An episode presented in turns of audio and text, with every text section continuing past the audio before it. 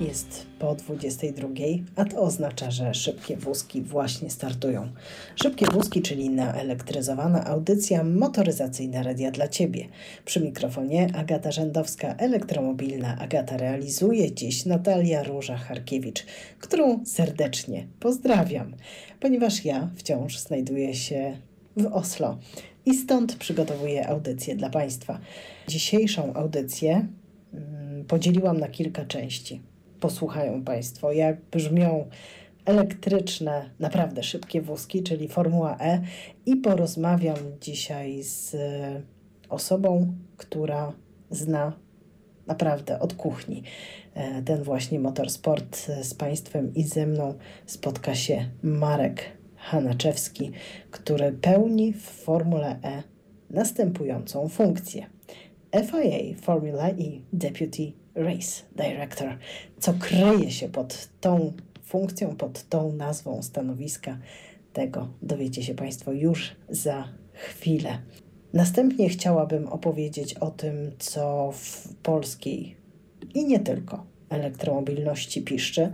E, mamy kolejne świeże, nowe zapowiedzi budowy infrastruktury do ładowania. To jest szalenie ważne. Zobaczymy, ile z tych planów, ambitnych naprawdę planów, uda się zrealizować.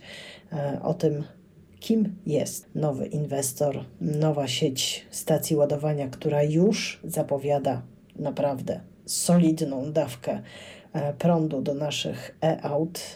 O tym też dzisiaj opowiem. Opowiem też o inwestycjach e, naszych rodzimych, które muszą być zrobione, bo tak wynika z ustawy o elektromobilności i paliwach alternatywnych i stoją za tym spółki energetyczne, polskie spółki energetyczne.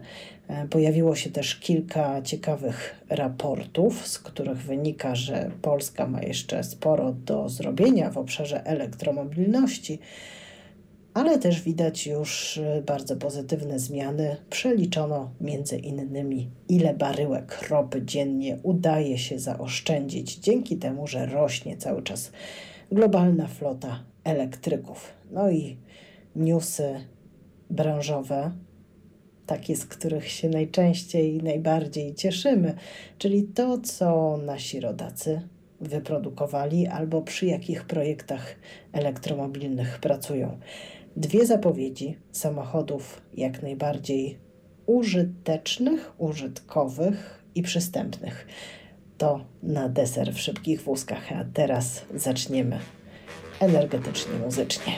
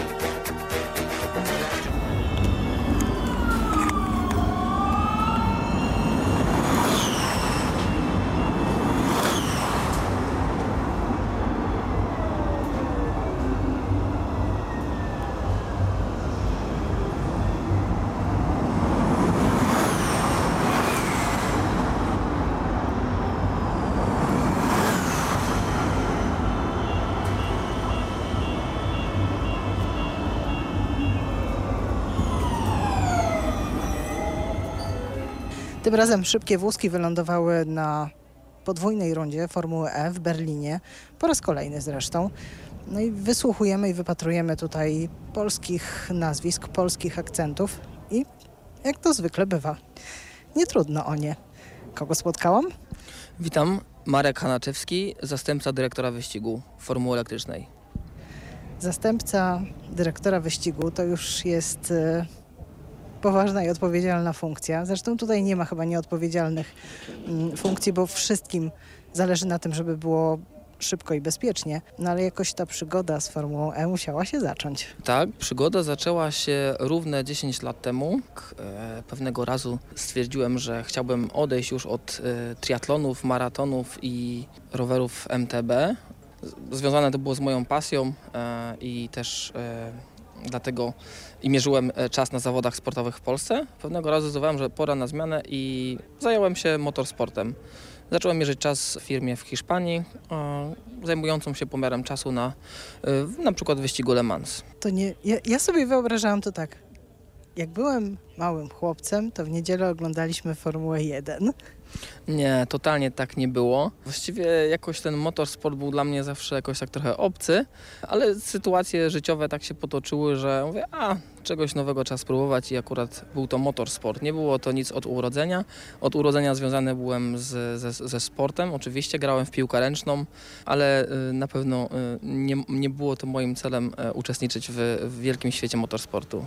Ten wielki świat motorsportu bardzo szybko w ostatnich latach się zmienia. To jest ósmy sezon Formuły E, przed nami dziewiąty, w którym pojawi się już trzecia generacja samochodów. Przełomowa, będzie zupełnie inna technologia. Technologia, która będzie oczywiście adaptowana za jakiś czas do tego, co pojawi się w samochodach cywilnych. Ale mówienie dzisiaj o tej wciąż rozwijającej się technologii samochodów elektrycznych to nie jest łatwa sprawa. Nie jest łatwo ludziom wytłumaczyć, na czym polega różnica poza napędem. Jest to skomplikowane nawet dla nas. E, Regulaminy techniczne, samochód będzie totalnie od zera zbudowany. Aleksandra pracuje nad tym samochodem z, formułą elektryczną.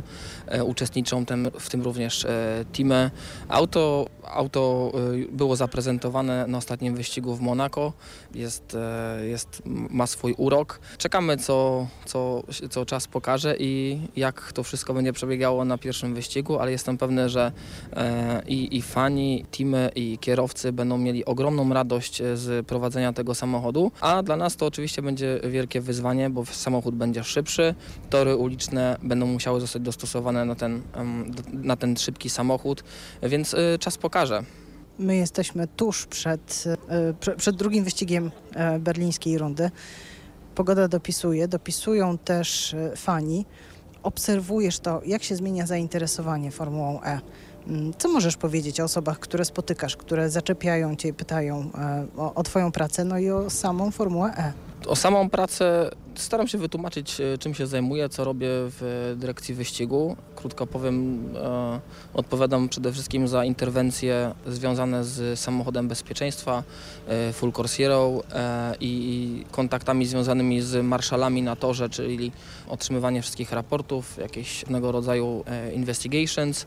No, Staram się wspierać dyrektora wyścigu w jego pracy.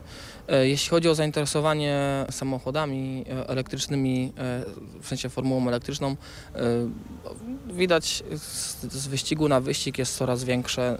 E, Na ostatnim wyścigu w Monako zainteresowanie było niemalże takie same jak na wyścigu Formuły 1, e, gdzie, gdzie przypominam sobie jak była pierwsza edycja w Monako, e, no, no trybuny były puste, więc, więc naprawdę jest na czym oko zawiesić, jest na czym, w sensie jeśli chodzi o rywalizację sportową, jeśli chodzi o, o prędkość samochodów, y, więc bardzo to cieszy i mam nadzieję, że, że to zainteresowanie będzie się y, jeszcze, jeszcze bardziej powiększało.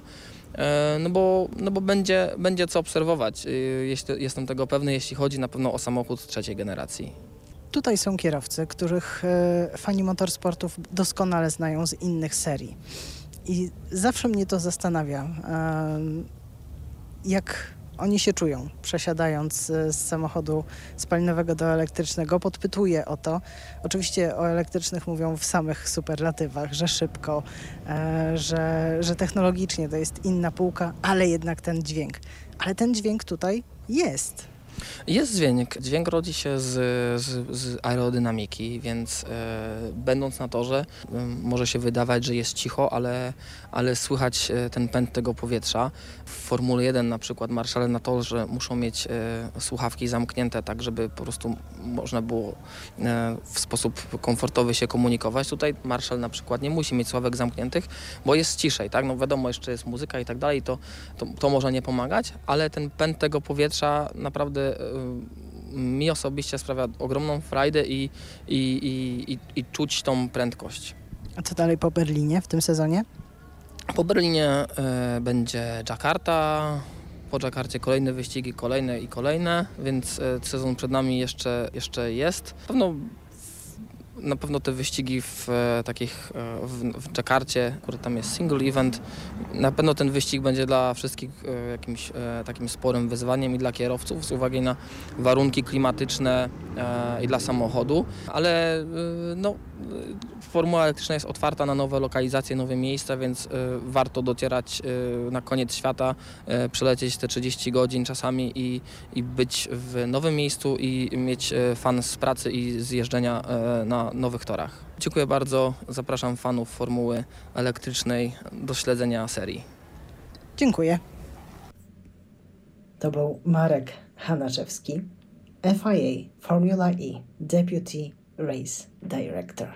Tak po angielsku nazywa się funkcja, którą pełni podczas wyścigów, a Aleksandra, o której wspominał, to Alessandra Ciliberti. Ona właśnie odpowiada za projekt auta trzeciej generacji samochodu, który już w przyszłym sezonie pojawi się na ulicznych torach, torach, po których ścigać się będą zawodnicy, a być może wreszcie też zawodniczki Formuły E, Formuły elektrycznej.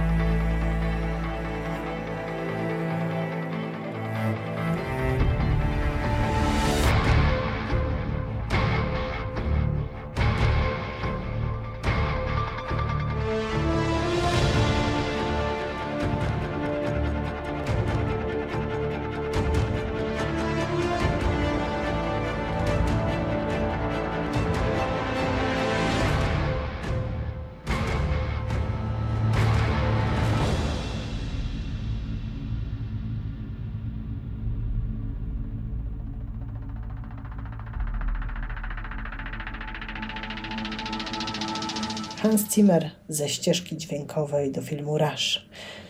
A tenże film to opowieść o dwóch wielkich kierowcach. Ramię w ramię walczyli na jednym torze James Hunt i Niki Lauda. Chciałam przypomnieć Państwu ten właśnie fragment muzyczny ze względu na postać Nikiego Laudy. Zmarł w 2019 roku 20 maja. Cały świat motorsportowy, cały świat motoryzacyjny wciąż go wspomina i za nim tęskni. I chce nawiązywać do tego, jak wielką postacią był, jak wielką, wielkim autorytetem, mentorem, wsparciem dla wielu kierowców, dla wielu zespołów w ostatnich latach życia przede wszystkim związany był z Mercedesem. Ale nie tylko Mercedes pamięta o tym wielkim, e, odważnym kierowcy. McLaren upamiętnił dzielnego człowieka i postawił mu pomnik e, w trzecią rocznicę śmierci. Pomnik, który prezentuje się naprawdę zjawiskowo. Nie widziałam go jeszcze na żywo. Mam nadzieję, że dane mi będzie go zobaczyć, ale namawiam Państwa do tego, żeby zajrzeć do internetu, zobaczyć Nikiego Laudę, takiego jakim go pamiętają najwierniejsi fani uśmiechniętego zwycięzcę. A ja zapowiedziałam kilka nowości e, ze świata ładowania samochodów elektrycznych.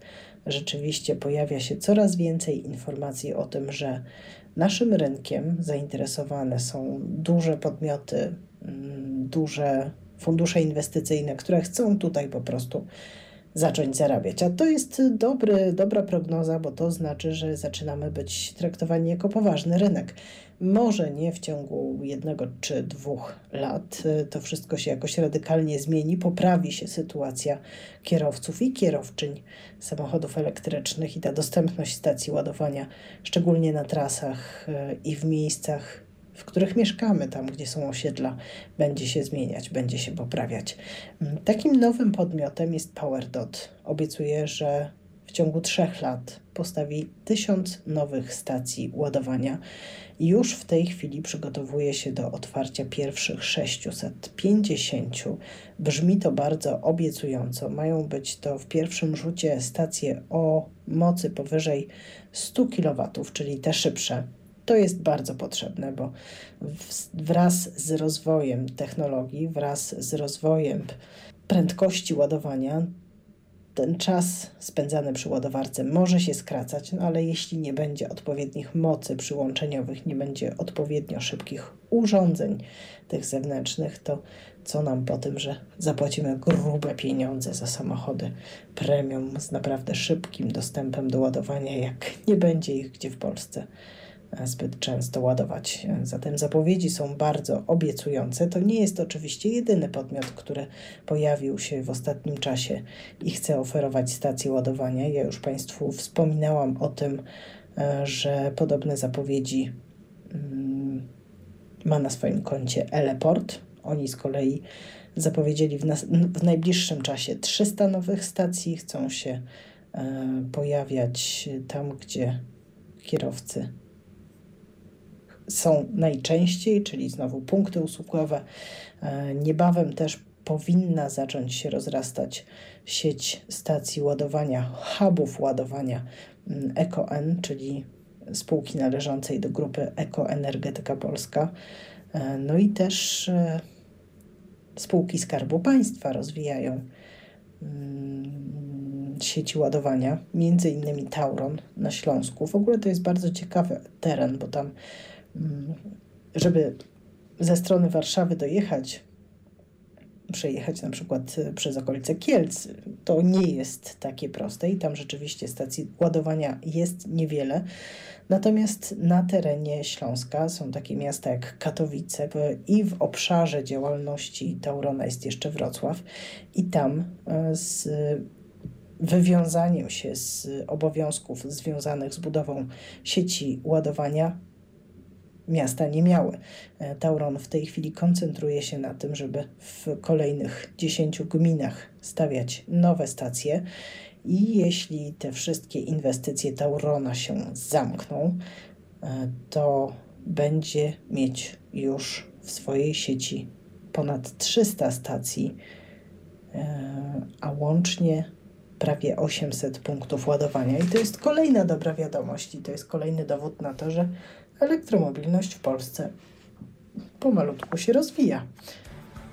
To jak się rozwija, to my rozwijmy się też muzycznie.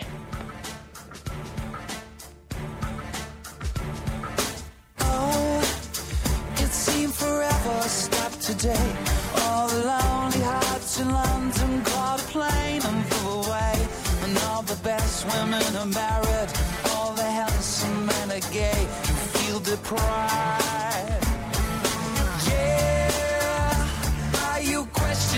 Size? Is there a tumor in your humor? Are the bags under your eyes? Do you leave dance where you sit? Are you getting on a bit? Will you survive? You must survive.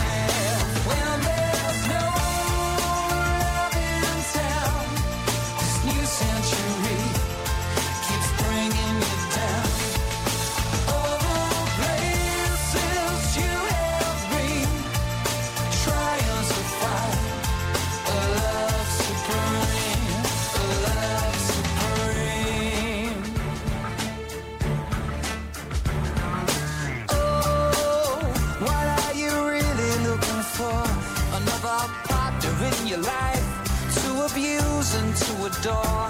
Is it love, that dovey stuff? Or do you need a bit of rough? Get on your knees. Yeah, turn down the love songs that you hear. Cause you can't avoid the sentiment that echoes in your ear.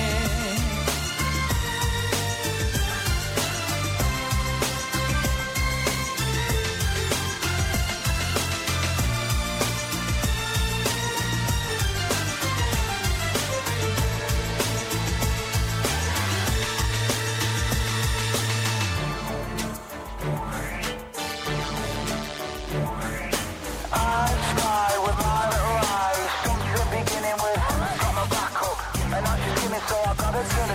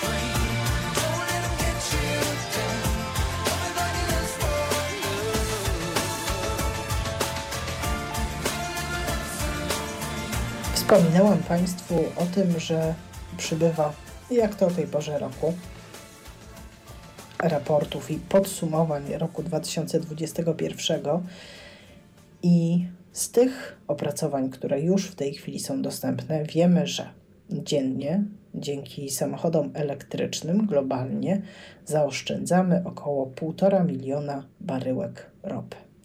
Takie informacje podał Bloomberg New Energy Finance. I to są bardzo dobre wiadomości, bo jeszcze kilka lat temu, naprawdę kilka lat temu, cztery, Kiedy pytałam ekspertki i ekspertów związanych z rynkiem ropy i gazu o to, czy firmy naftowe, koncerny naftowe zastanawiają się, jak będzie wyglądać ich przyszłość, kiedy samochodów elektrycznych na drogach zacznie znacznie przybywać. Nie dowierzali. Trochę nie, chyba nie chcieli e, iść tym tropem w rozmowach, e, albo jeszcze nie byli na to gotowi. Dziś wiemy, że o około 3% zapotrzebowania na ropę dziennie e, zmniejszyliśmy to zapotrzebowanie o te 3% dzięki udziałowi w rynku samochodów elektrycznych. To jeszcze nie są jakieś oszałamiające wartości, ale od czegoś trzeba zacząć i bardzo dobrze, że już zaczęliśmy. Kolejnym krokiem będzie prawdopodobnie zapewnianie coraz zieleńszej energii do tego, żebyśmy mogli samochodami, pojazdami w ogóle elektrycznymi jeździć. Dlaczego mówię o pojazdach, a nie o samych klasycznych samochodach? Bo okazuje się, że e, w Azji największe redukcje związane ze zużyciem paliw kopalnych odbywają się nie dzięki samochodom takim czterokołowym, ale pojazdom dwu- i trzykołowym. Ale uwaga, nie rowerom. E, To jest e, istotne, czyli wszelkiej maści tuk-tuki, mm, riksze, skutery. To są pewnie te pojazdy, które właśnie robią tak dużą różnicę w tamtym rejonie. U nas pewnie też to się będzie znacznie zmieniać, znacząco zmieniać i coraz szybciej zmieniać, bo już widzimy poważny trend, y, jakim jest przesiadanie się Polaków na rowery. Y, I te rowery, co ciekawe, wiemy z kolejnego opracowania, towarzyszą nam nie tylko w weekendy, używamy ich nie tylko do rekreacji, ale także stają się środkiem transportu bardzo cenionym i chętnie wykorzystywanym. I pewnie będziemy z niego korzystać coraz częściej, bo nadchodzi lato i ci, którzy jeszcze się wahali, e, to pewnie za chwilę też wsiądą na rowery. E, Z kolejnego raportu, tym razem przygotowanego przez Międzynarodową Agencję Energetyczną, wiemy, że na świecie jest już dostępnych ponad 450 modeli samochodów elektrycznych. Prym wiodą tu Chiny. Chiny. E, Tam jest dostępnych ponad 300 modeli, e, w Europie niecałe 200 i najsłabiej tutaj wypada USA. Tam zaledwie 63 modele dostępne na rynku. Spore te różnice. No, Chiny do elektromobilności przygotowywały się dużo, dużo wcześniej niż Stany Zjednoczone, chociaż pamiętajmy, że w latach 90. pewne próby tam zostały podjęte, ale niestety spełzło to wszystko na, na niczym. Ostatnia dekada e, w Chinach to jest ciągły rozwój i wspieranie elektromobilności. To jest oczywiście zupełnie inne wspieranie niż to, które my znamy e, z Europy. Nawet e, w tak doskonale rozwijającej elektromobilność Norwegii to nie wygląda tak jak w Chinach. E, Po pierwsze, kwoty tych pojazdów, które tam się pojawiają, są przeogromne. E, Po drugie, no tam jak jest hasło, że wszyscy robią, to wszyscy robią, nikt nie dyskutuje, nikt się nie zastanawia e, nad drogami ucieczki. A jednak w Europie, w Stanach pewnie jeszcze bardziej, jeszcze przez długi czas będą nam sprzedawane pojazdy z e, silnikami spalinowymi, bo one po prostu muszą się koncernom jeszcze zwrócić. Mm, No ale kres e, tej spalinowej motoryzacji raczej jest bliższy niż dalszy, ten 2035 rok, o którym wielokrotnie mówiono w kontekście zakazu sprzedaży nowych samochodów elektrycznych w Unii Europejskiej, prawdopodobnie mm, stanie się faktem. Cóż jeszcze wiemy z tego opracowania przygotowanego przez Międzynarodową Agencję Energetyczną, e, corocznego opracowania? To się nazywa Global Electric Vehicle Outlook. Otóż e, dowiadujemy się z niego, że palącym problemem jest to, żeby wspierać rozwój sieci ładowania, nic nowego, ale też zwracają nam autorzy tego opracowania uwagę na to, że wciąż rośnie przeciętnie, e, jak się spojrzy na te wszystkie dostępne modele, e, zasięg samochodów elektrycznych i to już jest ponad 350 km średnio, a pamiętajmy, że w tę całą masę z 450 dostępnych globalnie modeli musimy wliczyć też mikrokary, które są dostępne w Azji. E, No i po raz pierwszy od dłuższego czasu widać skok w zasięgach hybryd plug-in. Po raz pierwszy ten średni z wszystkich modeli zasięg przekroczył 60 km. To wciąż nie jest dużo. Nie ma się co okłamywać. Ciekawostka, która, którą wyda, u, w, która przyciągnęła moją uwagę właśnie w tym raporcie, e, dotyczy tego, że mikrokary i małe samochody nie występują w wersjach plug-in. Nie ma w tym nic dziwnego, ale jak się to zobaczy na obrazku, to jakoś em, wydaje się to jeszcze bardziej oczywiste, po co tam marnować miejsce na bak i na baterię, skoro tego miejsca w małych samochodach i tak i tak jest niewiele. No i tu postawię kropkę, bo o małych samochodach będę mówić za chwilę. O małych z polskim Thank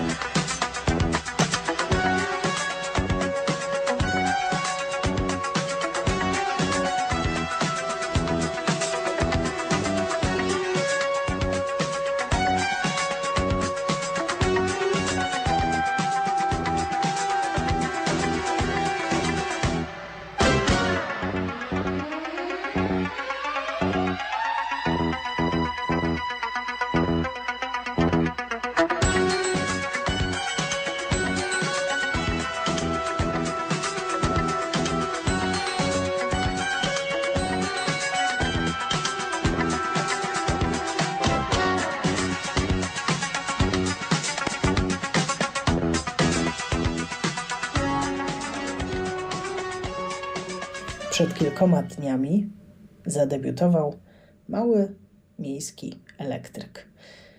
Elektryk o bardzo specyficznej bryle, bardzo specyficznym wyglądzie i z dodatkową, niebanalną funkcją, z wydajnym panelem fotowoltaicznym na dachu. Za projektem stoi Polak. Polak, o którym najwierniejsi fani i fanki szybkich wózków oczywiście co nieco wiedzą, wiedzą, to Mateusz Tomiczek, który e, ma za sobą już kilka udanych projektów, większych i mniejszych. E, W tej chwili współpracuje ściśle z biurem projektowym, które przygotowało wcześniej model Lightyear One. To jest samochód wysoce efektywny, jeśli chodzi o wykorzystanie fotowoltaiki, a do tego bajecznie piękny i luksusowy. No ale wracając do projektu, przy którym Mateusz Tomiczek pracował, to jest auto, które nazywa się Skład. Skład to połączenie dwóch nazw, dwóch wyrazów solar i quad. I rzeczywiście jest takim maluchem, który przypomina trochę kłada. Ma dwa miejsca, całkiem ustawne wnętrze. Nie jest to torpeda. E, Na razie wiemy o tym, że będzie mógł jeździć nie więcej niż 45 km na godzinę, ale powiedzmy sobie szczerze, jak na taką pchełkę miejską to jest wystarczająca prędkość. Auto ma być oferowane carsharingom, czyli po raz kolejny po Citroenie AMI mamy projekt, który no, ma wypełnić taką lukę e, między prywatnymi dużymi samochodami a jednośladami, czyli rowerami, czy rowerami nawet cargo, e, którymi możemy załatwić dużo spraw One będą bardzo efektywne, jeśli chodzi o wykorzystanie energii. W składzie akurat wykorzystano do tego jeszcze wymienne baterie, w związku z tym odpada czas e, na ładowanie całego pojazdu, po prostu będzie można te baterie szybko wymieniać. Mam nadzieję, że Mateusz Tomiczak da się niedługo zaprosić do naszej audycji i opowie więcej o tym projekcie. Podobnie jak dowiemy się więcej na temat projektu Mesor. To może być poważna konkurencja dla Melexa. Ten polski projekt został właśnie zaprezentowany w Amsterdamie podczas e, wielkiej konferencji, wielkich, wie, wie, wielkiego expo e, Fully Charged Live, czyli kultowej marki platformy pokazującej e, nam elektromobilność z najróżniejszych stron. Mm, Cóż wiemy o tym projekcie? No, przede wszystkim jest to samochód użytkowy o niebagatelnej, o niebagatelnym wyglądzie i wyjątkowo użytkowych, dobrych dla miast, dla biznesu funkcjach. Waży niewiele, bo nieco ponad 800 kg, a na plecy jest w stanie wziąć e, znacznie więcej niż tonę, mm, dzięki czemu jego wykorzystanie może być naprawdę szerokie. E, Jest to samochodzik, tak jak powiedziałam, nieduży, miejski, stosunkowo lekki. E, Widziałam podobny prototyp e, przygotowany przez niemiecki spin-off 3 lata temu. E, Wtedy sprzedawano go przede wszystkim myśliwym, z myślą o myśliwych, no bo małym elektrycznym samochodem łatwo wjechać do lasu, nie płoszy się zwierzyny. Nie jestem fanką akurat takiego, takiej formy spędzania wolnego czasu, ale też e, ten mały samochodzik niemiecki był prezentowany jako ciekawe rozwiązanie, użyteczne rozwiązanie dla sadowników, ponieważ mógł się zwinnie poruszać między posadzonymi jabłonkami choćby. No i tutaj podobne zastosowania zdradzają projektanci tegoż modelu. Messor mógłby być wykorzystywany przez e, zarówno rolników, przez służby miejskie, służby oczyszczania miasta, może być solarką, czyszczarką, może odbierać odpady, może rozwozić różne towary. Będziemy się temu projektowi w szybkich wózkach oczywiście przyglądać, a ja mam nadzieję, że niebawem, za trzy tygodnie, będę mogła podpytać ekipę Fully Charged o tenże właśnie projekt, bo będę miała okazję spotkać się z Jackiem Scarlettem, który w tej chwili współtworzy Fully Charged Show, a wcześniej mogliśmy go oglądać y, w kultowych produkcjach BBC, między innymi w Top Gear. A teraz proszę jeździ elektrykami i naprawdę e, opowiada o nich fajne historie, w ciekawy sposób prezentuje to, co tam pod maską albo e, w bagażniku z przodu siedzi. No i tymi dobrymi wiadomościami o polskich projektach albo projektach z polskim DNA będę się dzisiaj już z Państwem żegnać. Za tydzień e, jeszcze wrócimy do ścigania. Jeszcze mam przygotowanych trochę materiałów, którymi chciałabym się z Państwem podzielić. Na pewno nie zabraknie nowości z rynku motoryzacyjnego. Tutaj wciąż dużo się dzieje. No i będziemy rozmawiać o urządzeniach transportu osobistego, konkretnie o hulajnogach. Czy przepisy, które weszły już rok temu, rzeczywiście na coś się zdały? Jakie wyzwania wciąż e, do pokonania pozostają przed operatorami tych małych pojazdów, jednośladów, którymi potrafimy jeździć naprawdę szybko i nie zawsze bezpiecznie? E, Czy udaje się zapanować nad narowistymi użytkownikami? Jakie są kary? O tym wszystkim będę rozmawiać już za tydzień. A teraz się z Państwem żegnam. Agata Rzędowska, elektromobilna Agata przy mikrofonie. Realizowała Natalia Róża-Harkiewicz. Bardzo dziękuję. Pozdrawiam i do usłyszenia za tydzień.